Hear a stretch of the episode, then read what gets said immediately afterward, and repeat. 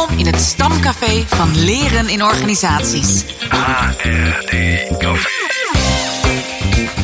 Maak het jezelf gemakkelijk. Ontmoet vakgenoten en laat je verrassen door de laatste nieuwtjes. HRD Café.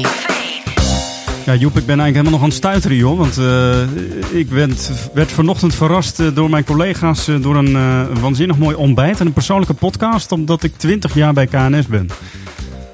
Ja, dat begrijp ik helemaal. Stuiteren maar. 20 jaar, het is niet niets. Nee, hè? het is echt een uh, gigantische tijd. Ik voel me heel, uh, uh, nou ja, maar ook heel dankbaar voor deze tijd in ieder geval. En super tof dat, dat ik na 20 jaar met HRD Café aan de slag kan. En ik had het handboek Human Resource Development er weer eens bijgepakt. hoofdstuk 45 deze keer. En dat gaat over de vraag hoe effectief opleiden in bedrijven. Ja, hoe effectief dat eigenlijk is, bedrijfsopleidingen. En nou, ik heb een vraag voor je, Joep. sorry, het onderzoek waar die vraag vandaan komt, is, is, uh, daarin is België helaas niet meegenomen. Maar even de check. Weet jij hoeveel procent van de Nederlandse bedrijven in 2018 cursussen of andere opleidingen aanbood aan hun medewerkers? Hoeveel procent zou dat zijn? Oh, Pieter Jan, moeilijke vraag. Ja, en België is toch wel mijn referentie. Dus ik ga even van daaruit uh, je. Ik denk dat in België je als bedrijf verplicht bent om een bepaald percentage van je loonmassa aan opleiding te spenderen. Iets, iets minder dan 2%, denk ik. Dat wil niet zeggen dat daarom ook gebeurt, natuurlijk. Hè? Nee. Ik zou eigenlijk denken 90%. Maar vooral opleidingen die betrekking hebben op het bijblijven met veranderende IT-applicaties, met installaties, met processen, met procedures. Dus ja, mee evolueren met de organisatie en daarvoor opleiding krijgen. 90 procent. Dat onderzoek is ook in voorgaande jaren al gedaan. In 2010 en 2005. Schat eens in, eh, hoeveel procent zou het dan geweest zijn? Oh, uh, gokje. Hè?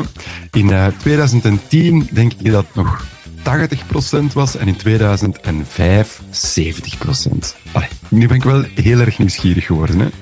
Nou ja, Help mij. Ja, het onderzoek waar uh, Jasper van Loo uh, en zijn collega aan refereert... is het uh, onderzoek dat gedaan is door het Centraal Bureau voor de Statistiek. En dat berekende in Nederland in ieder geval... dat in 2018 85% van de bedrijven cursussen en opleidingen aanbood. Dus nou, dan zit je toch redelijk dichtbij, 90%. Ja. En mogelijk is dat in België dus meer. In 2010 was dat 77 procent. En, en in 2000, uh, wat is het? 2005 was het uh, 71 procent. Oké, okay, mijn cijfers uh, zijn er toch nog redelijk, redelijk. Ze cirkelen er zo waarom. Precies. En de vraag ja, misschien af me... van hoeveel van die medewerkers volgen dan ook daadwerkelijk de training. Dus het aanbieden is natuurlijk nog niet alleen het, meteen het volgen. Nou, dat percentage zit in 2015 op 41 procent. Dat zit wel echt een stuk lager. In 2010 op 39 en 2005 op 34 procent. Oké, dus uh, opleiding volgen is eigenlijk iets voor een geprivilegeerd groepje in de, in de, organisaties. Blijkbaar. In ieder geval zien dus eh, Van Loo en De Grip, de auteurs van dit hoofdstuk in het handboek HRD, in ieder geval wel een stijgende lijn op, uh, op beide onderzoeken. En tijdens de lancering van het handboek HRD sprak ik samen met Suzanne Verdonschot met Jasper van Loo. Hij is Department Coordinator bij CDFOP. En dat is het Europees Centrum voor de Ontwikkeling van de Beroepsopleiding. Het leuke is, het is gevestigd in Thessaloniki in Griekenland. Um, Suzanne en ik vroegen hem waarom het belangrijk is om het rendement van opleidingen eigenlijk te meten. Aan de ene kant is het, uh, ja, het, het, is een, een, steeds groter wordende investering. Want uh, ja, als, ik bijvoorbeeld ook uit, Europees perspectief kijk, van als, als wij kijken naar Europa, dan zien we dat, dat de helft van de, van de werkzame bevolking echt een, een, een leerpotentieel heeft. Dat betekent ook, en dat is niet, ja, dat, dat wordt nog niet, er staat nog geen training tegenover in alle gevallen. Dus uiteindelijk is het voor, voor bedrijven, maar uh, ja, ook voor publieke aanbieders van training heel belangrijk om te weten van, van wat levert het op. En, en niet alleen in de uh, ja, in het perspectief van, van wat levert het op in euro's, maar ook, uh, ook van ja, wat werkt en wat werkt goed en wat werkt, werkt minder goed. Dus dat je ook echt kunt, actief kunt bijstellen. Dat, dat is ook een beetje het idee. Ja, in Thessaloniki in Griekenland hebben ze dus blijkbaar uh, ontdekt dat het niet alleen gaat over uh, ja, hoeveel brengt het op in termen van centen, maar uh, wat brengt het ook op voor de medewerker in termen van kwaliteit van de opleiding, hoe ervaren ze het, wat werkt daar goed in, wat minder, goed. Nou, het interessante is ook dat Van Loo en de Grip een driedeling presenteren. En deze indeling die komt eigenlijk van Koningsvorms en van Normelingen. En wat hem betreft kun je dus op drie manieren kijken naar de effectiviteit van bedrijfsopleidingen. Als eerste vanuit het perspectief van HR-maatstaven. En daarmee bedoelen ze bijvoorbeeld het personeelsverloop of de motivatie van medewerkers. Het tweede perspectief dat is dat van operationele prestaties of productiviteit. Dus kunnen we daadwerkelijk zien dat opleidingen leiden tot meer productiviteit. En het derde perspectief dat uh, gaat eigenlijk over de financiën. Dus dat is echt de return on investment. Ja, en ik begreep uit jullie gesprek met Jasper van Loo dat hij daarin ook nog veel onontgonnen terrein ziet. Hè. Als ik het goed heb, kunnen vier op de vijf bedrijven hun opleidingen nog effectiever vormgeven. Een, een andere uh, interessante statistiek als weer als wij kijken van Europa, van als, je, uh, als je dus kijkt naar bedrijven, van uh, hoe ze hun, hun, hun, leer en hun, ja, hun werkplekbeleid, hoe ze dat vormgeven dan zien we eigenlijk dat maar één in de vijf bedrijven dat echt op optimale manier doet. Dus er is echt nog een hele slag te maken. Dat, uh, dat, dat, dat is wel duidelijk. Ja, laten we nog eens even teruggaan naar die drie perspectieven. Dat eerste perspectief dat ging over uh, die HR-maatstaven. Uh, je leest in het handboek dat onderzoek uitwijst uh, dat, een, dat er een positieve correlatie is tussen opleiden en tevredenheid. Dus meer opleiden vertaalt zich over het algemeen in een grotere tevredenheid van het personeel. En heeft ook een positieve uitwerking op de emotionele betrokkenheid van medewerkers bij de organisatie. Ja, wat ik ook wel interessant vond, is daarnaast dat het perspectief van operationele prestaties, dus de, die, die, die, die productiviteit, hè, en in hun bijdrage aan het handboek schrijven van Lo en de Grip over een aantal veldexperimenten, waarin loting bepaalt wie een bepaalde training gaat volgen. En ze schrijven eigenlijk over zo'n veldexperiment bij een trainingscentrum. Uh, maar ook in de kledingindustrie in India. En de productiviteit van de medewerkers die de training hadden gevolgd nam respectievelijk toe met 10 en 20 procent. Dat is een mooi woord, hè? Veldexperiment. En dat je dan ook door loting uh, zeg maar bepaalt wie wel of niet deelneemt aan de training. Dat is uh, ja, echt onderzoek uh, waar ik heel nieuwsgierig naar word. Begrijp ik helemaal. En tenslotte, ja, ja, uh, dan, is, dan vind ik ook nog altijd een, een, spannende vraag of je die effectiviteit van opleidingen, of, of je dat dan ook in geld kunt vertalen. Want ja, dat draait er toch, uh, dat is ook een, een, een, een grote invloed uh, en een groot belang in veel bedrijven. Absoluut. En uh, Van Loo en de Grip die schrijven daarover dat het aantonen van het positieve effect van bedrijfsopleidingen op de winstgevendheid van de onderneming belangrijk is om draagvlak te creëren voor het opleidingsbeleid. Amai, dat was een, uh, een hele mond vol om dat goed uh, te verwoorden. Heb jij er ervaring mee, Pietrian? ik merk dat ik niet zo snel echt uh, de, de, effectiviteit van de opleidingen waar ik bij betrokken ben, veelal in het ontwerp, dan ook echt vertaal naar financiën. Maar heel soms doe ik het wel eens kort door de bocht uh, op basis van een impactonderzoek. Dat we ook gewoon laten zien van nou, als je blijkt wat de impact is van het development center of een bepaalde opleiding uh, voor vakspecialisten. Um, dat je dan wel zou kunnen zeggen dat het toch wel ja, in ieder geval zorgt voor minder uitgaven wellicht ook wel meer winst of meer verkoop of effectiever vormgeven aan je strategie. Maar ik moet zeggen dat ik het nog niet echt zo super hard kan maken. Ik moet zeggen dat het lezen van dit hoofdstuk zette mij daarin wel weer aan het denken. Ja, nogthans, een, uh, een kwalitatieve opleiding heeft toch een heel grote heeft effectief een hele grote meerwaarde. En als je dan gaat kijken wat, de, wat de onderzoekers, uh, of wat er uit het onderzoek komt door de auteurs, ze hebben eigenlijk zelf in 2003 zijn ze eens gaan kijken. En, en hun onderzoek toont aan dat wanneer de opleiding per werk, medewerker met één toeneemt, zich dat vervolgens vertaalt naar een gemiddelde gemiddelde winsttoename van 12.500 euro. Dat is toch uh, niet niks. Dus uh, ik heb één vraag voor jou.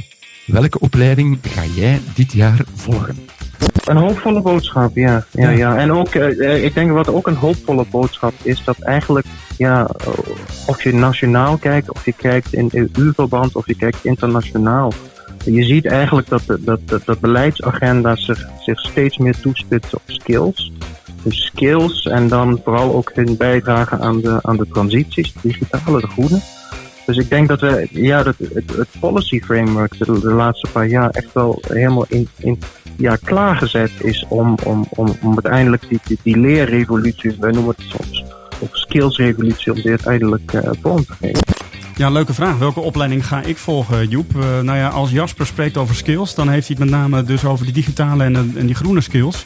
Uh, die ook uh, zorgen dat we met elkaar die transitie kunnen doormaken. Je, je, je refereert er al even aan in het begin van deze podcast. Maar zelf denk ik eraan om een opleiding voor audioproductie te doen.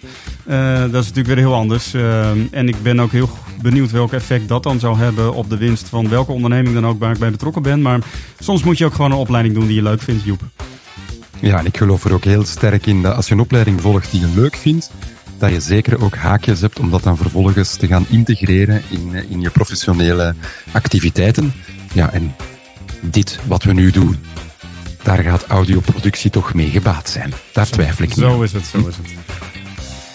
Beluister het hele gesprek van Suzanne Verdonschot en Pieter-Jan van Wijngaarden met Jasper van Loo terug via de link in de show notes. Of lees hoofdstuk 45 uit het handboek Human Resource Development onder redactie van Rob Poel en Jozef Kessels. HRD Café Trending Trending topics. Trending Topics Wat zijn de laatste nieuwtjes? Goed nieuws voor HRD'ers in België. De Belgische website Zigzag HR geeft aan dat uh, de dreigende economische recessie in ieder geval geen invloed heeft op de opleidingsbudgetten.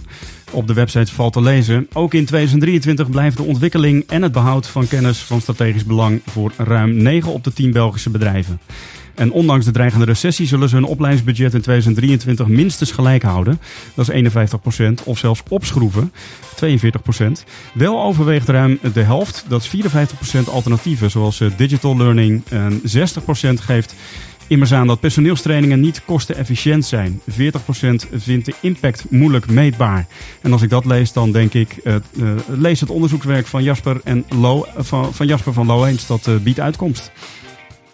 En in de Harvard Business Review lezen we dat het Amerikaanse onderzoeksbureau Gallup managers wil aanmoedigen om een vriendschapsvriendelijke werkomgeving te laten ontstaan.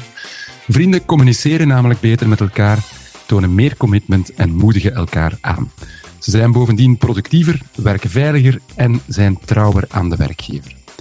Gallup geeft vier tips mee voor managers die willen inzetten op een werkplek waarin gemakkelijk vriendschappen ontstaan. Zet een buddy-systeem op voor nieuwe medewerkers, moedig zoveel mogelijk persoonlijke interactie aan en vermijd e-mail indien mogelijk.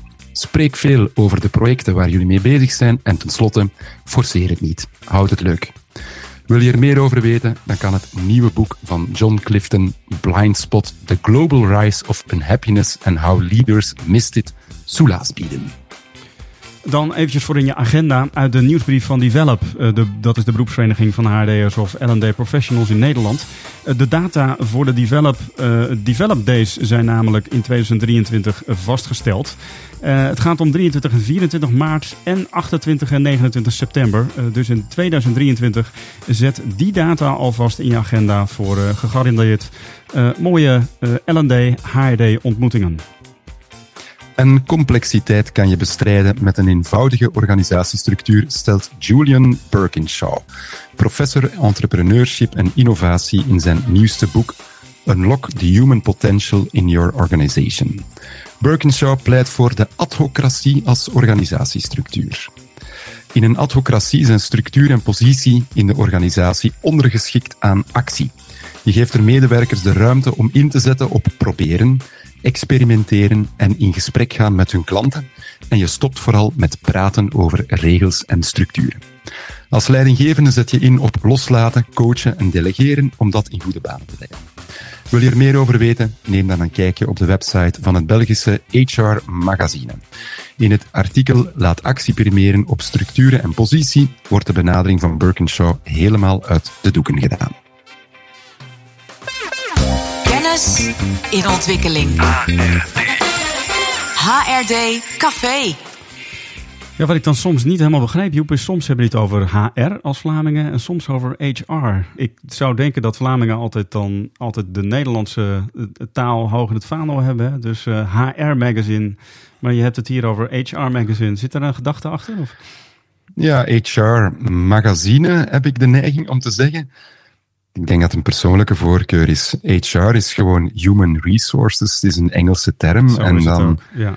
ik zeg ook altijd, de HRD podcast. Hey, we gaan eh, grabbelen. De grabbelton staat eh, deze keer weer bij jou, als ik het goed heb begrepen. Ik zou zeggen, eh, ga je gang. Daar gaan we. Hè.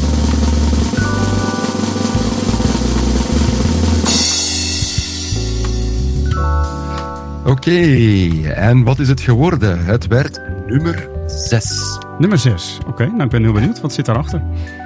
Het is maar goed dat mensen veranderkracht hebben. Want organisaties krijgen continu te maken met zaken die veranderen. Mensen ontwikkelen nieuwe vaardigheden en kennis. De mogelijkheden om processen uit te voeren veranderen.